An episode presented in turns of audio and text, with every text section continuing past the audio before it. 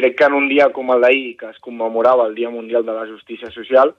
doncs calia aixecar la veu i dir que l'Ajuntament de Lloret, i en especial des de Benestar i Família, es treballa i es seguirà treballant per garantir la igualtat d'oportunitats per a tothom. Bueno, volia aprofitar també per agrair la feina que fan moltes entitats de Lloret de Mar